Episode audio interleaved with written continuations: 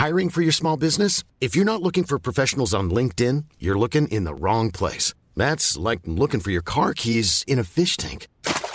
LinkedIn helps you hire professionals you can't find anywhere else, even those who aren't actively searching for a new job but might be open to the perfect role. In a given month, over 70% of LinkedIn users don't even visit other leading job sites. So start looking in the right place. With LinkedIn, you can hire professionals like a professional. Post your free job on linkedin.com slash people today. Planning for your next trip? Elevate your travel style with Quince. Quince has all the jet-setting essentials you'll want for your next getaway, like European linen, premium luggage options, buttery soft Italian leather bags, and so much more. And it's all priced at 50 to 80% less than similar brands. Plus, Quince only works with factories that use safe and ethical manufacturing practices. Pack your bags with high-quality essentials you'll be wearing for vacations to come with Quince. Go to quince.com slash trip for free shipping and 365-day returns. Since 2013, Bombas has donated over 100 million socks, underwear, and T-shirts to those facing homelessness. If we counted those on air, this ad would last over 1,157 days. But if we counted the time it takes to make a donation possible, it would take just a few clicks. Because every time you make a purchase, Bombas donates an item to someone who needs it. Go to bombas.com slash ACAST and use code ACAST for 20% off your first purchase. That's bombas.com slash ACAST, code ACAST.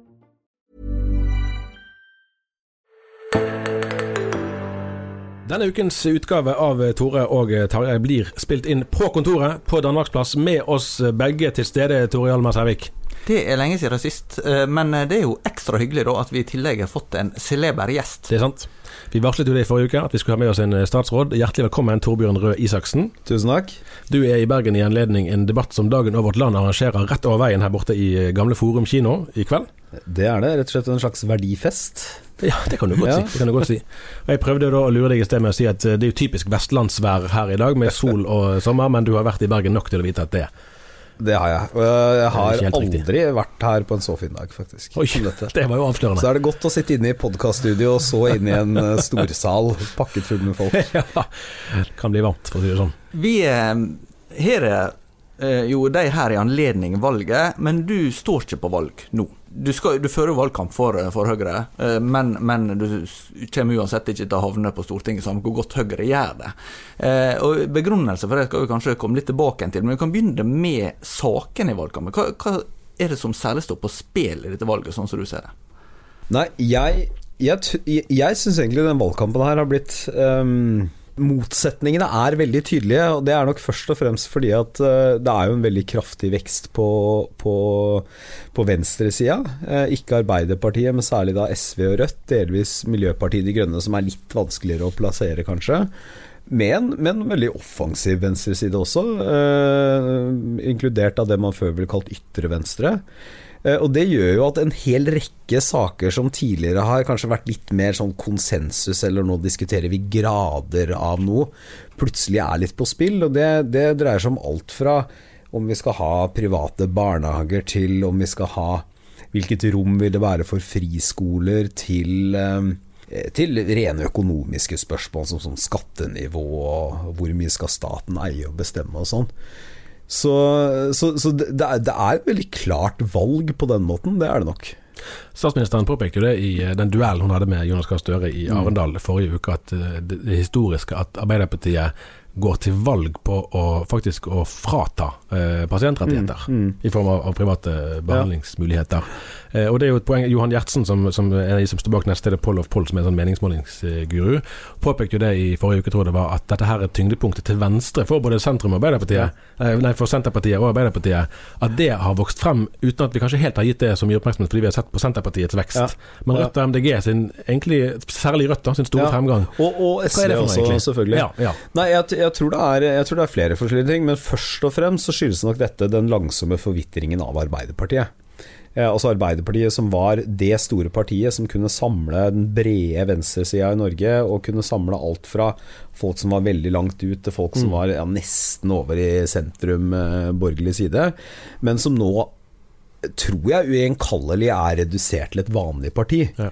Eh, fortsatt det største partiet nå på målingene, men det er et vanlig parti. Det er ikke Ørnen, det er ikke noe, noe særegent lenger.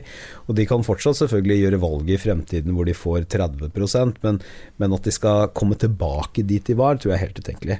Og det betyr nok at, eh, at på, der, eh, på samme måte som SV en gang knakk knekte åpent et rom til venstre for Arbeiderpartiet. Mm. Som et korrektiv så har nå også Rødt gjort det. Men det er jo et ganske radikalt parti. De snakket, på den partitimen i Arendalsuken så snakket de om det som de så vel sa i i den debatten at de vil forby bemanningsbransjen. Ja, det er ikke hver, dag at det, eller hvert år at noen går til valg på å forby en hel bransje.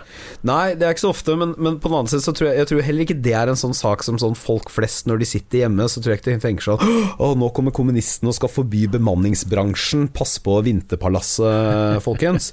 Eh, så, så jeg syns jo fortsatt det som preger Rødt, er at de snakker sosialdemokratisk. Altså de har mm, egentlig De presenterer seg jo selv som, som en slags sånn egentlig det Arbeiderpartiet var for 30 eh, år siden, før Gro Harlem Brundtland mm. kom og, og tullet det til.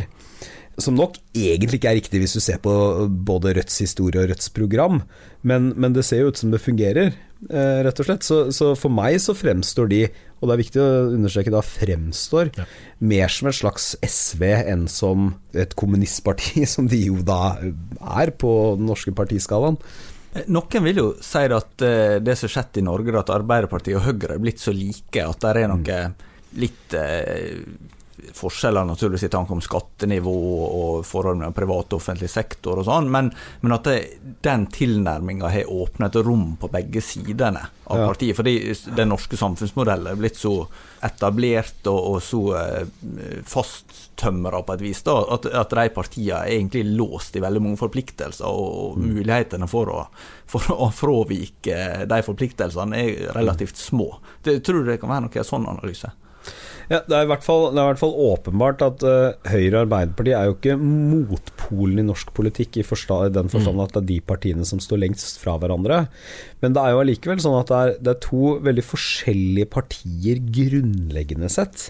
Og det tror jeg man kan se på mange, mange måter. Altså, den grunnfortellingen til Høyre er jo, handler mye om enkeltmenneskets verdighet og frihet, samfunnet bygges nedenfra, dermed skeptisk til for mye stat og politikerstyring. Um, Arbeiderpartiets grunnfortelling er jo vi er en del av arbeiderbevegelsen, vår jobb er å uh, skape rettferdighet. Det er en grunnleggende progressiv bevegelse, på godt og vondt. Um, og jeg synes En veldig go god illustrasjon på dette er egentlig, uh, egentlig forholdet til Kristelig Folkeparti. Hvor, hvor uh, jo Høyre, som på mange måter også er et liberalt parti, Uh, har, en, har, i seg pga. partihistorien en veldig stor forståelse for KrFs standpunkter, delvis også fordi at vi, mange, vi er mange som deler mye av uh, deres tankegods. Mens i Arbeiderpartiet så, så, kan man lett se for seg et samarbeid på sånn budsjettspørsmål med Kristelig Folkeparti, men, men, det skaper veldig sterke reaksjoner hos den mer sånn ideologiske delen av partiet å skulle samarbeide med det KrF som har, har vært fordi at det bryter så med sosialdemokratiets grunnleggende progressive tanke, mm. som er at vi skal videre, vi skal frigjøre, vi skal bygge ut velferdssamfunnet. Eh, det er vår historiske misjon, på en måte. Du er òg aktuell med en ny bok, det skal vi straks komme til. Men jeg vil bare ha et par spørsmål til om det du holder på med nå. For du har jo hatt eh, tre ulike statsrådsposter. Ja. Det i seg sjøl er jo egentlig ja, Det er ikke så mange i Norge som har hatt det da, de siste åtte årene, det må det være lov å si. Kunnskapsminister fra 2013 til 18, næringsminister fra 18 til 20, og fra januar i fjor til nå, da. Eh, omsider, vil jeg si. Arbeids- og sosialminister, det trodde du skulle bli allerede i 2013. For du hadde skrevet bok om det, ja. Eh, og falt ja. utenfor i verdens rikeste land rett før. Og du kunne sikkert skrevet bok om hvert av de tre kapitlene, og kanskje flere bøker òg. Hvis du skulle ha forklart et menneske som ikke er veldig opptatt av politikk, hva som på en måte er det gøyeste da, i hver av de tre epokene mm. der, eller hva er det de sitter igjen med, da? Mm. det er det sagt, gøyeste eller det viktigste? Ja, kanskje begge deler. Altså, hva er det som liksom stikker seg ut, da? Ja, det gøyeste i um, Det gøyeste som kunnskapsminister, det er å besøke barnehager. Ja. Ingen tvil. Og barneskoler. Det er det aller morsomste. Hvorfor det? Jo, for at barn er Barn eh, det, Et godt eksempel var et av de første besøkene jeg var på. Så, så, var det noen som spurte sånn Hva gjør en kunnskapsminister egentlig? Og så sa den lille gutten ved siden av Du, hvorfor, eh, hvorfor, eh, hvorfor har du skjegg egentlig? Og så sier hun det Og hvorfor er du ikke høyere? Eh, og barn er, og dette sa de på en mye hyggeligere måte, da, men de er liksom genuine, spontane, morsomme, mm. hjertelige. Eh, Det viktigste er jo at det er, det er ingenting Altså Skolegang handler om eh, dannelse som menneske, en god start i livet. Hvis man er opptatt av sosiale forskjeller, så er skole det viktigste verktøyet vi har. Eh, Som næringsminister så var nok det gøyeste aller gøyeste var nok og de gangene jeg fikk lov til å være med kongeparet ute i verden for å promotere norsk næringsliv. Jeg burde sikkert sagt at det gøy, aller gøyeste var å besøke småbedrifter på Vestlandet, og det var også veldig fint, men det var litt stas å få besøke Kina og Argentina og sånn. Men det er også viktige arbeidsplasser og jobber og sånn. Eh, og nå er jeg jo litt der hvor ehm, eh, Det gøyeste er litt vanskeligere å si, for det er mye som er sånn Det gøyeste nå, det er å møte noen som har, som har Hvor det har, det har fungert. Ja. Altså, jeg var, jeg var utslått, jeg var rusmisbruker, jeg hadde psykiske problemer. Jeg slutta på skolen, falt ut av jobb, men pga. litt hjelp fra systemet, en arbeidsgiver som så meg, en hjelper som eh, ikke lot meg ligge nede, noen som forventet noe av meg som menneske, så har jeg kommet meg opp igjen. Men nå kom jo nettopp nyheten om at Norge bruker over 100 milliarder på uføretrygd. Hva, hva er det som går gale? Det er eh, Vet du hva, dette har noe med mitt favorittord å gjøre, som er et veldig kjedelig ord. Det er, det er jo strukturelt, rett og slett. Og det, så dette er en kombinasjon av en rekke forskjellige ting, hvorav én grunn er at vi har høy lønn i Norge. Vi har ikke arbeidende fattige. Vi vil at det skal være høy lønn og høy produktivitet i arbeidslivet, men det gjør også at mange blir støtt ut. Så har vi relativt sett så har vi jo eh, en stor og raus velferdsstat. Det betyr jo ikke at det føler Det er jo ikke sånn at det er Det er ikke at du har ikke god råd hvis du lever på trygd i Norge. Men, men sammenlignet med veldig mange andre land, så har vi jo det. Og så har vi da en særlig bekymringsfull økning blant unge. Da. Så det er en kombinasjon av veldig mange forskjellige ting som gjør at disse tallene er De er høye. Eh, de har gått bitte lite grann ned de siste par årene, men, men fortsatt veldig høye. Men jeg forstår at folk da tenker liksom Hvem jeg stemmer på? Det, det virker nesten ikke til å spille så stor rolle, for det kan virke som at en del sånne trender de bare fortsetter uansett. Altså det, Hvis ikke Høyre etter åtte år i regjering kan få flere i arbeid, hvem skal da klare det? Ja, vi, har jo, vi har jo i og for seg sånn fått flere i arbeid på den måten at arbeidsledigheten går ned og sånn, men vi har, vi har klart å øh, stagge noe av utviklingen. Altså det øker ikke lenger på helserelaterte ytelser, da, som er det vi samler begrepet for det. Men vi har ikke klart å få det kraftig ned, og jeg tror, tror rett og slett at det, det handler Det klarer vi ikke sånn på to-tre år. Det vil vi ikke akseptere løsende. Da måtte vi slengt folk ut på gata, og det ønsker vi ikke å gjøre. Så det handler egentlig om f.eks. at når flere gjennomfører videregående skole nå, så er sjansen god for at det betyr færre som havner i uførestatistikken om 10-15 år. Da. Men det er langsiktig arbeid. Nettopp. Vi er jo òg der som vi har vært innom at du altså ikke tar gjenvalg til Stortinget. Det betyr jo at i en alder av 43 år, etter å ha vært eh, på Stortinget siden 2009 og statsråd siden 2013, eh, i hvert fall i umiddelbart da, eh, velger deg ut av toppolitikken. Og det er på et tidspunkt der det fort kan bli ledig jobb som partileder i Høyre om et par år. Du har jo til og med vært foreslått som mulig fremtidig statsminister. Hva var det som gjorde at du valgte deg ut? Det, det var en også her, da, denne kjedelige kombinasjonen av forskjellige ting. Men det, her, det var ikke helt strukturelt. På en måte var det kanskje det. Nei, du vet, jeg fikk Vi fikk, kona mi og jeg fikk fått vårt første barn eh, da ja, ett år inn i regjeringsperioden eller noe sånt. Litt, og så fikk vi et barn til, og så fikk vi enda et barn til. Så jeg har blitt trebarnsfar. Ja, minst det er ett år eller noe det tror jeg Minst det er ett år, ja. Litt over halvannet. Eh, så det har litt å si. Og så har jeg holdt på med politikk lenge. Jeg er jo en sånn broiler da, som har studert det, og så har jeg egentlig aldri hatt noe ordentlig jobb, for jeg kom inn i politikken som ung. Så er det vel kanskje en litt sånn 40-årskrise at man føler at nå er jeg på et punkt i livet Hvis jeg skal prøve noe annet, så må, må det vel være nå, da. Så du vet ikke helt hva som skal skje? Nei, jeg gjør ikke det. Nei, det kan, det kan med, med med. vilje, jeg, Nå skal vi først prøve å vinne dette valget, da. Men så har jeg med vilje også Det, har, det siste halvannet året med korona og alt har Ja. ikke, vært, ikke vært noen sjanse til Ja, for du var jo faktisk veldig tidlig Du, du tror du var den første offentlige personen som var på Dagsrevyen og sa at jeg Ja. hadde og du hadde ikke egentlig tenkt over Altså, Altså, jeg var- som vanlig influenser hvis du ikke hadde visst. Ja, jeg kaller meg en koronapioner. så jeg var med Ja, de er aller, aller første, helt avantgarde, uh, så tidlig ute med det. Nei, men, men jeg har ikke Poenget er at dette siste halvannet året har vært uh, ekstremt, Mm. rett og slett, for, for oss alle, og også i toppolitikken, og som ansvarlig for Nav og sånn. Så jeg har i hvert fall ikke hatt noe tid til å liksom reflektere noe dypere over hva fremtiden eventuelt skulle bringe. Ja, det var fint, vi, vi hadde intervju med Sindre Finnes, ektemann til statsministeren her i sommer, som sa det sånn at Erna sier at det er 50-50 sjanse for gjenvalg, og så spør journalisten ja, hva mener du da? Nei, jeg er enig med Erna. Og det er vel det du òg vil si, antagelig. Ja. du må vel det. Men du, da skal vi til boken. Den ligger rett borte på pulten her. Hva er konservatisme? Og da må vi bare ta med et fint øyeblikk, for du var hos eh, Giæver og gjengen, altså VG-podkasten, for et par uker siden. Og da fortalte du det at, eh, at når du hadde sagt til konen din at du holdt på å skrive en ny bok, og den, hva den skulle handle om, så sa hun et øyeblikk at den boken har vel du skrevet før? Og Det synes jeg var et sånn veldig fint mann og kone-øyeblikk som jeg tror vi, i hvert fall alle vi tre kunne kjenne oss igjen i. Det var noe som, For du har faktisk skrevet bok om samme emne før, for ti år siden. Ja, altså jeg har skrevet eh, noen bøker som eh, i hvert fall har hatt konservatisme i tittelen. Ja, ja. Men for ti år siden, det var da, som jeg er veldig opptatt av å understreke, det var en antologi, som det heter fint. Så det var oversatte bidrag da, fra, de, fra store tenker opp gjennom historien, med en kort innledning. Mens dette er en kort innføringsbok, gitt ut på Universitetsforlaget. I Hva er-serien? De har alt fra da, sånn, hva er arkitektur til hva er religion og alt mulig. Så det er en, det er en hva skal jeg kalle det, en sånn fagbok for folk flest. Rett og slett. Ja. Det er ikke en bok hvor jeg synser, egentlig. Mm. Jeg synser bitte lite grann, for det er tross alt politiker, men det er en bok som forsøker å på en nøktern og relativt balansert måte presentere hva, hva er konservatisme, da. Så man hører det jo stadig vekk brukt om alt fra prestestyret i Iran til ja, kanskje avisa som vi sitter og snakker Mm. i nå. Men hva, hva verdi, eller hva, hva assosiasjoner oppfatter du at ordet konservativ gir i dagens Norge? Jeg eh, har bare hørt det brukt i positiv forstand når man snakker om investeringsstrategier. For da sier man en konservativ investeringsstrategi. Den er litt sånn forsiktig og stein på stein, tar ikke for stor risiko og sånn, men bortsett fra det brukes det jo nesten bare negativt.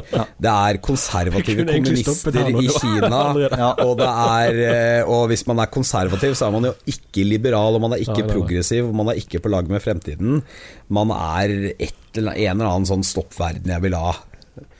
Som enten da er mørkemann eller en sånn eh, overlevning fra Downton Abbey med tweed og tvers Ja. ved sløyfe. Ja, for du hører ikke Jeg, tenkte på, jeg satt på en debatt på Arendalsveka, jeg vet ikke hvem som ble omtalt, men det var en av de andre som var i, eh, var i teltet der, som jeg hørte eh, omtalt en eller annen som veldig konservativ. Og så tenkte jeg at jeg, jeg, jeg hører liksom ikke i Norge at så mange sier han er veldig liberal, eller han er veldig radikal. Sant? Altså, konservativ er noe sånn eget Men, men, problematisk. men det er jo rett og slett også fordi at det er Altså det er, en, det er en politisk konservatisme, eller en åndstradisjon, som heter konservatisme. Men så er det jo også et ord vi bruker i dagligtalen.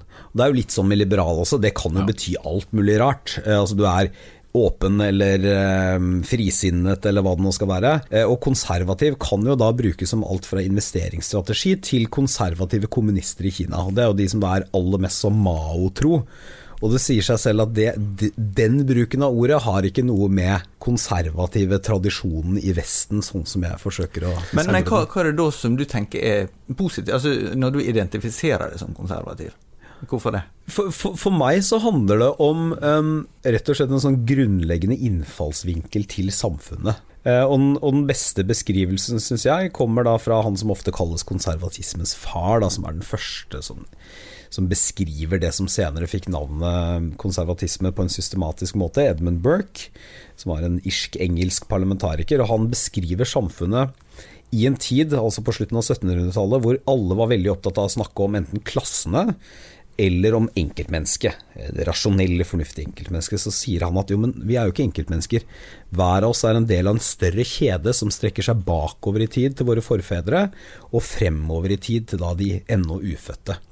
Og det å se seg selv i den større sammenhengen, både som enkeltmenneske og som samfunn, det er kanskje det grunnleggende bildet i alle varianter av konservatisme. Hva er da forskjell på å være konservativ og å være forsinket?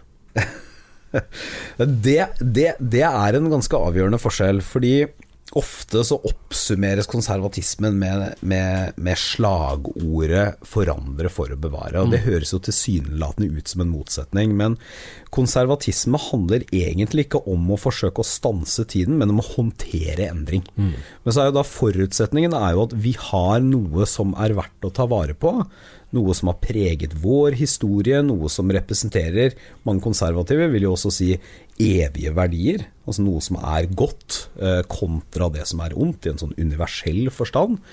Um, og disse tingene må vi ta vare på, men da, man, da må nok samfunnet endre seg, og vi må justere og vi må fikse.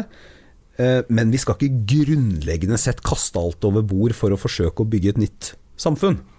Og det har jo vært konservatismens sånn tradisjonelle motpol, er jo da utopismen, eller de mm. som drømmer om å skape et paradis på denne jord, enten det er religiøse fanatikere, eller det er politiske fanatikere, kommunister, nazister, andre. Er, er konservatisme da synonymt med å være mer forsiktig?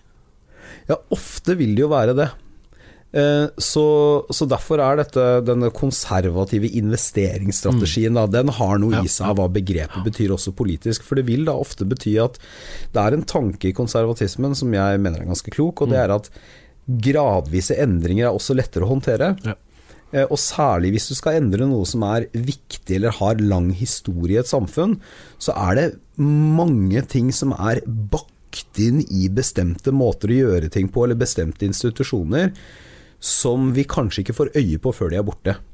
Mm. Og Det betyr at nettopp langsomme endringer, skrittvise endringer, har en verdi i seg selv, fordi at det gjør at vi både kan ha bedre kontroll, men også at vi kan kjenne igjen verden eh, fra i går i morgen.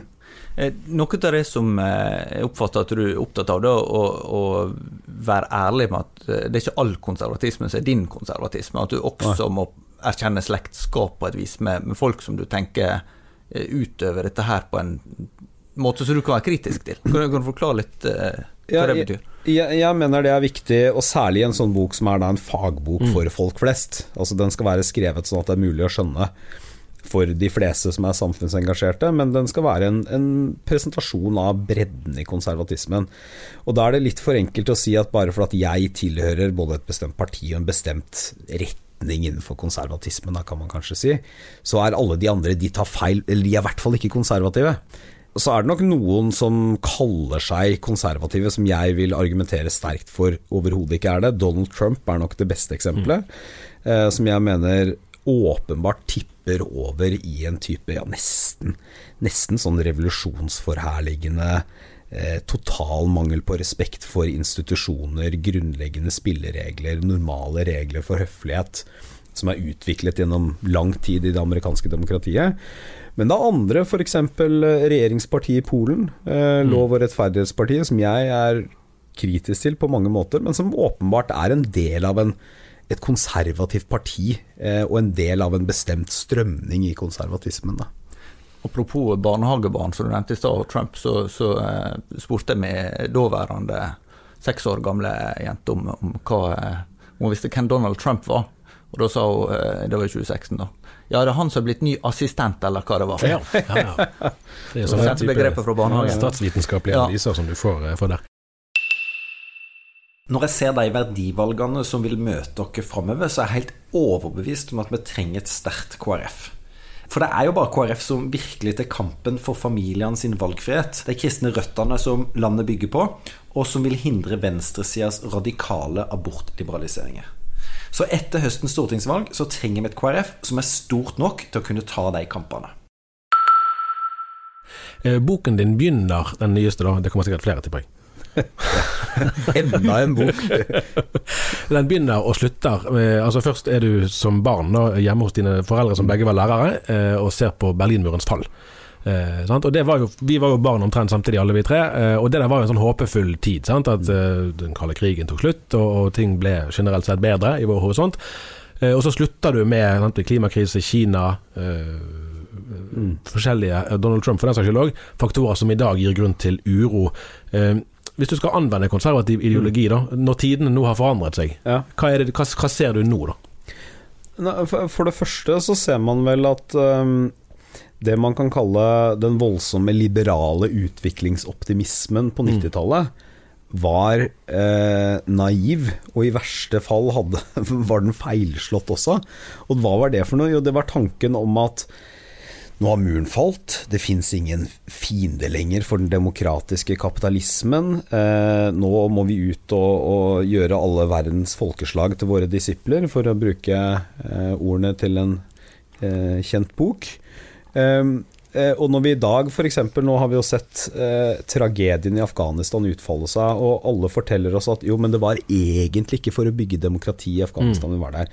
Og det er i og for seg riktig, det var ikke det som var. Og Norge var nok tydeligere på dette enn andre, men hvis man ser på den amerikanske historien og retorikken, så var det veldig tydelig både i Afghanistan og Irak at det bunnet også i en tanke om at det var mulig å bygge opp et uh, demokratisk system nærmest etter vestlig modell. Ja. Um, så, så, så, så, har den liberale utviklingsoptimismen rett og slett blitt, blitt erstattet av at verden, verden var ikke ferdig. Det var ikke sånn at ondskapen eller de vanskelige tingene ble borte. Vi hadde ikke vunnet en gang for alle. Fordi Sovjet ble borte, Kina vokser. Eh, markedsøkonomien vant, men, men, nå diskuterer vi også globaliseringens tapere. Eh, vi diskuterer ikke minst konsekvensene av eh, den voldsomme veksten vår på verdens miljø og på mm. klima. Mm.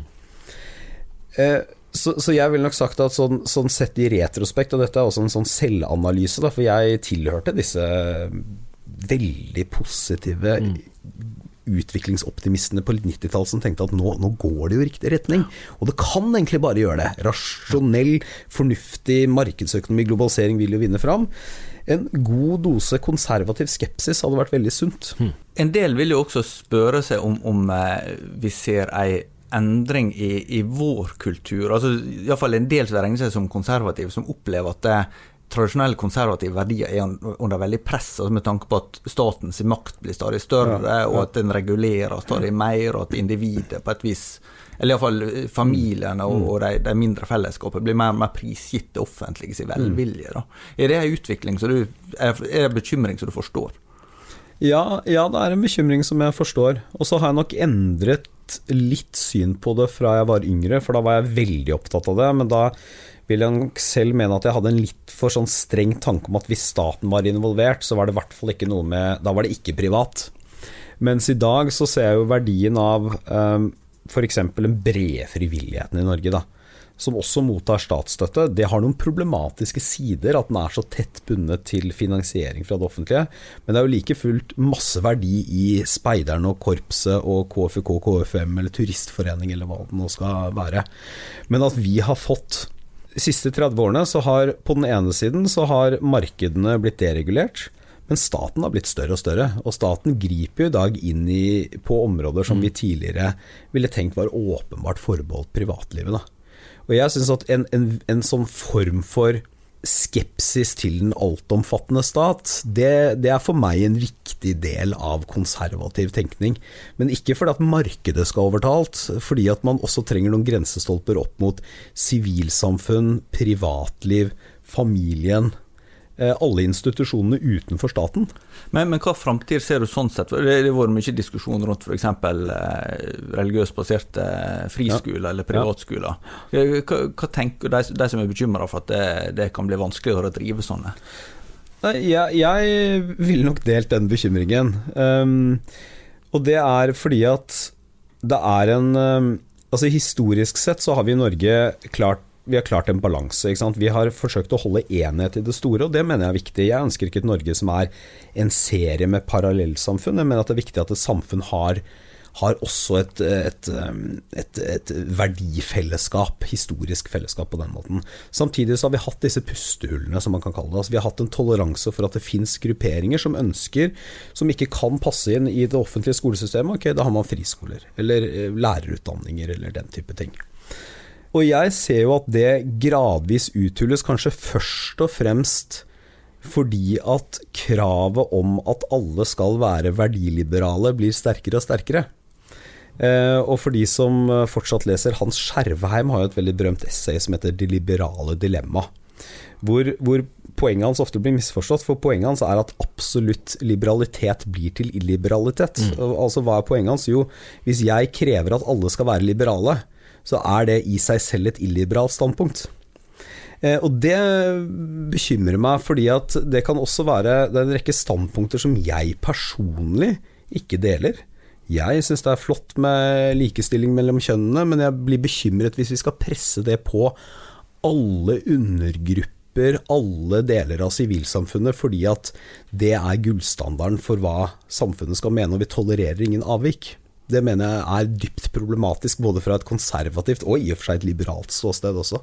Eh, Du skriver i boken òg at det finnes konservative elementer både i Kristelig Folkeparti, i Senterpartiet og i Fremskrittspartiet, men at Høyre er det eneste som måtte bruke denne merkelappen aktivt om seg sjøl. Og det er jo interessant, syns jeg. Er det grunnen for denne, hvis vi kan kalle det frimodigheten, er det kan det være at Høyre um, bruker, altså er mer pragmatisk, da? Ja, altså, for, for jeg skriver også at det betyr ikke at Høyres politikk til enhver tid er konservativ, eller at Høyre bare er et konservativt parti. For et, såpass stort parti som Høyre har også en rekke koalisjoner altså, Høyre er en koalisjon. Så det finnes folk i Høyre som er de er sentrumspragmatikere, eller de er liberalister, eller de er egentlig liberaler. Og så er det noen som er åpenbart mer konservative, eller vektlegger det. Um, så, så, det skyldes nok først og fremst kanskje Helt ærlig så skyldes nok historiske tilfeldigheter.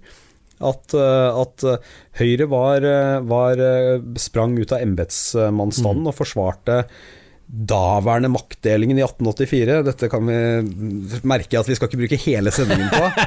mens, mens det var den radikale liberalismen mm. eh, representert ved partiet Venstre og bondeopposisjonen mm. som sto for noe annet. Så dermed så ble det sånn. Um, men, men, er, men, jeg står veldig for at det er konservative elementer i alle disse partiene. Det er, noe, det er egentlig veldig lite av de venstre, mm. uh, vil jeg si. Uh, men hvis du hadde puttet de konservative elementene i Frp, KrF, Senterpartiet og Høyre sammen, så finner du egentlig den koalisjonen som utgjør de brede mm. sentrum-høyre konservative partiene i nesten alle vestlige land. Men somme i våre spalter f.eks. har jo etterlyst det Høyre som de kanskje kjente seg mer igjen i, med politikere som Lars Oroald Langslett og Inge Lønning. Ikke minst. Det har du jo sammen med utenriksministeren vært med å lage festskrift. Ja, det er sant. For, det er sant. for en, noen få år siden. Ja, ja. Men, men, forstår du på en måte de som tenker at Høyre er blitt mer liberalt enn konservativt? Ja da, eh, og på mange måter så har jo Høyre også altså Høyre har jo blitt mer liberalt på mange måter. Eh, på den annen side så ble det det også under Lars Roar Langslett og, mm. og, da Inge Lønning var med. så, så, jeg tror liksom Høyres, Høyres, paradoks er jo Jeg pleier å si at for venstresiden så er Høyres politikere alltid vulgære markedsliberalister når de styrer, mm. og så blir de konservative hedersmenn etter at de er gått av. Mm. Gjerne når de er gått opp i pensjonsalderen, uten at de egentlig har endret seg så grunnleggende. Men, men uh, Høyre har, var jo også den gang, ikke, både på 80-tallet og 70-tallet da Lars Ola Langslett var, uh, var, markant, og på 90-tallet da Inge Lønning satt på Stortinget, åpenbart en koalisjon. Stor spenning. Men det er jo også områder hvor Høyre har klart gått i liberal retning, f.eks. på en del av gen- og bioteknologispørsmålene. Hvor vi fortsatt er mer restriktive som parti enn Frp og Arbeiderpartiet, som kanskje er de som kjører hardest på. Men hvor vi nå er har noe mer liberale standpunkter, f.eks. på eggdonasjon, da, eh, enn det vi hadde for bare noen år siden. Mm. Ja, for der, eh, I den samme uh, besøket hos Giæver og gjengen, så tror jeg du sa noe om at og Da var det vel kanskje med referanse for så vidt til noe av det fremveksten vi ser på venstresiden, men at det som historisk gjerne skjer, er jo at disse bevegelsene når det, er når de blir del av hovedstrømmen, mm. at de faktisk kan øve innflytelse over tid. For her er vi jo inne om noe det som er et politisk dilemma for Kristelig Folkeparti, men òg her, her, er jo ting som er på måte på et enda dypere kanskje plan et teologisk dilemma for en del av, av våre lesere, da, men òg av, av, velgere, kanskje særlig i KrF, men òg i andre partier. At man opplever at den pragmatismen er det mm. vanskelig å imøtekomme, fordi at da bryter man med noe mm. helt sånn grunnleggende i det man står for. Og så er jo spørsmålet litt om man skal prøve å få litt innflytelse gjennom hovedstrømmen, eller om man skal heller prøve å måte, mm. opprettholde en så klar profil man kan. Om det er i KrF eller i en kirke, da, eller hvor det nå er henne. Eh, hvis du skulle f.eks. vært rådgiver, da, eh, eller, eller, for den saks skyld, uavhengig av hva du skjønner at det mener eller ikke, hva ja. tror du ligger an til å skje med KrF og Venstre? Da, men, men, det spørs, ja, hvis, tar, men hvis jeg kan få lov til å bruke et uh, ikke, ikke, et politisk parti som første eksempel, hvis jeg hadde vært rådgiver i Den norske kirke f.eks., hvor jeg jo er, er medlem, om ikke storforbruker. Mm så ville jo jeg tenkt at for Den norske kirke så ville jo mitt råd vært å ikke være, ikke være redd for Altså Jeg har av og til en følelse av at Kirken er nesten, nesten litt redd for det svulstige ved det hellige. Og jeg tror veldig mange i dag savner en, en åndelig dimensjon. Eh, og så må man nok da godta at ikke alle vil automatisk kunne ta hele delen av kirkens teologi. Men vi har gått veldig langt i å tenke at eh, ritualer, det, det, er noe repetitive med det, det at du kommer inn i et rom som føles sakralt annerledes, at det er noe som ikke er tilpasset vår tid. Jeg tror egentlig det motsatte. Eh, når det gjelder sånn som Kristelig Folkeparti, så det er, det er, vanskelig å si. Men jeg, hvis jeg kan svare på noe helt annet, som vi politikere gjør ofte når vi ikke helt vet svaret, så i dag er det jo mange som sier Det er mye snakk om også dette med såkalt kulturkrig, culture wars, mm. som vi har importert da fra USA. Og jeg er veldig skeptisk til det. Og det er rett og slett fordi at i det øyeblikket man lager kulturkrig rundt noe, så er den samlende funksjonen ved det ritualet allerede litt ødelagt. Mm. Å ta sånn skolegudstjenester som et godt eksempel, det er noe som vi har bred støtte. Det er også folk som ikke er, kaller seg kristne, syns at det er en fin kobling til noe de oppfatter som en tradisjon som er viktig, og kanskje også en sånn slags åndelig dimensjon hmm. rundt en høytid som tross alt handler om det i det øyeblikket man lager kulturkrig av det, og det betyr også heiser flagget og gjør liksom dette til nå skal vi enten stryke kristenkorset fra vårt flagg, som Arnulf Øverland sa, eller male det på med dobbelt så tjukk farge, så er man med på å liksom pulverisere noe av den vakre konsensusen som kan eksistere om sånne ting. Mm. Så, så hvis, man, hvis, man, må utkjempe en kultur, kulturkrig, så må man kanskje det, men jeg mener at det er et mål å unngå det. Altså, det er et mål at, disse, at vi ikke liksom ødelegger ritualer og, um, og holdninger og verdier som vi har hatt i det norske samfunnet lenge, gjennom å polarisere det for å få oppslutning. Mm. Du, du nevnte jo tidligere Trump, og, og du har sjøl bodd i USA en periode. Ja. Eh, og Stemmer at du bodde hos en familie som antagelig stemte på, på Ja da, det, det, gjorde de nok helt sikkert. Jeg bodde i et veldig sånn i amerikansk forstand konservativt og religiøst også The Real America, som eh, de sa der borte. litt i The Heartland. Hva, refleksjoner gjør du deg om det som er skjedd der med altså, verdikonservative kristne i USA og, og forhold til Trump? Ja, altså jeg, jeg, har jo mine tanker om Trump, jeg avslørte dem vel i stad, eh, men det er vel litt sånn ferdig. Jeg syns det, det, virker veldig farlig å koble og gjøre, gjøre troen sin så eksplisitt politisk. Altså at det, ikke, det, er, det, aldri, det vil aldri være upolitisk eller apolitisk å tro. Det vil det ikke være. Fordi mm. at, eh, for at kristendommen gir noen, gir noen føringer også for politikken. Det, det, tror jeg ingen kristne vil være uenig i. Men å gjøre den så eksplisitt politisk, vil jeg, tror jeg eh, Det har jo vært en suksess for den amerikanske høyresiden i 30 år, siden Reagan egentlig. Men jeg er usikker på om det kommer til å være en suksess for dem fremover. Også. Fordi, at, um, fordi at du gjør også rommet for å være kristen kanskje snevrere og snevrere mm. i flere og flere grupper av befolkningen. Men, men jeg, jo, jeg, må si at jeg føler mindre og mindre til felles med den amerikanske høyresiden. Både de som er sånn nærmest nattvekterstat, mm. konservative, og også denne religiøse, i hvert fall store deler av den religiøse høyresiden. Eh, og mer og mer særlig etter Trump, altså. Ja. Ja, Ser du for deg at uh, altså for I Norge er det jo noen helt opplagt som lar seg inspirere av, av sider ved dette.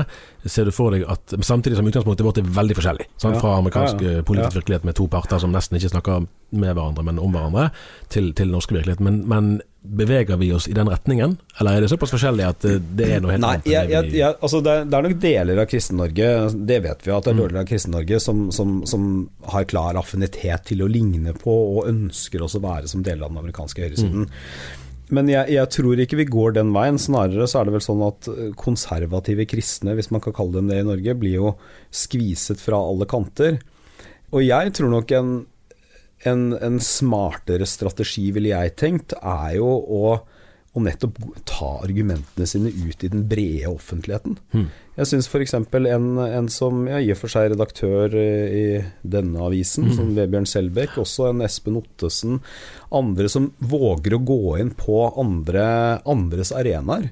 Med, uten å fire på sitt verdibudskap, men også gå inn i diskusjon hvor, hvor, hvor, hvor du vet at du kan ikke ta trumfkortet. Jo, men dette tror jeg på for det, eh, det står i Bibelen. For det er ikke et argument som fungerer for mm. en som ikke tror på det på som står i Bibelen. Du går inn på liksom sekulære premisser, nærmest.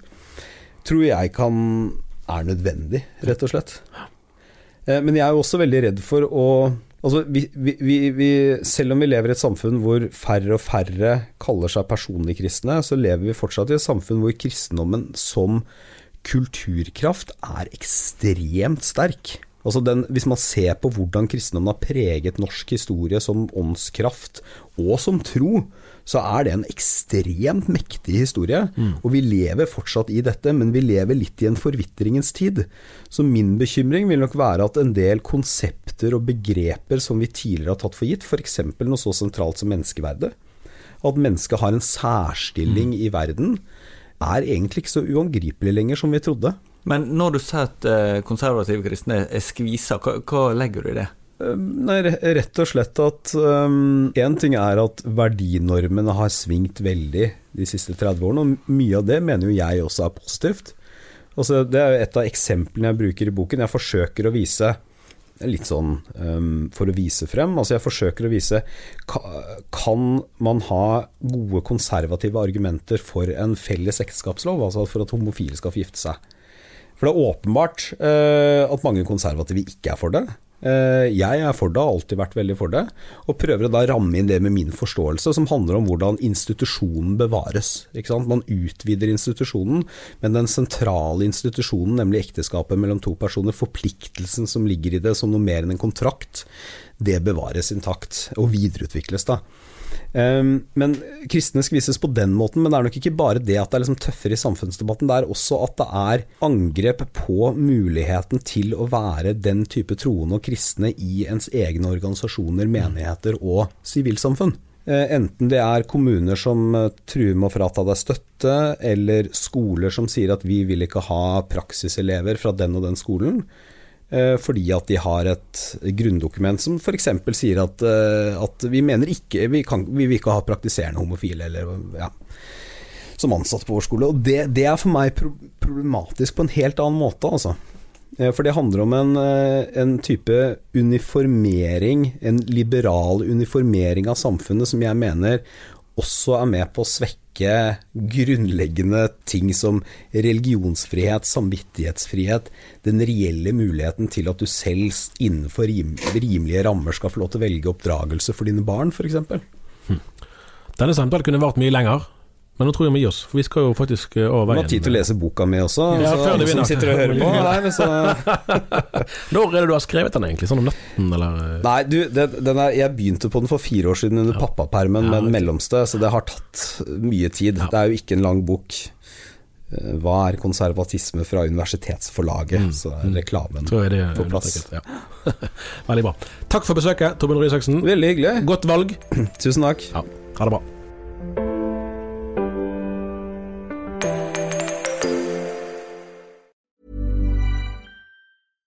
Cool fact a crocodile can't stick out its tongue. Also, you can get health insurance for a month or just under a year in some states. United Healthcare short term insurance plans, underwritten by Golden Rule Insurance Company, offer flexible, budget friendly coverage for you. Learn more at uh1.com. Planning for your next trip? Elevate your travel style with Quince. Quince has all the jet setting essentials you'll want for your next getaway, like European linen, premium luggage options, buttery soft Italian leather bags, and so much more and it's all priced at 50 to 80% less than similar brands. Plus, Quince only works with factories that use safe and ethical manufacturing practices. Pack your bags with high-quality essentials you'll be wearing for vacations to come with Quince. Go to quince.com slash trip for free shipping and 365-day returns.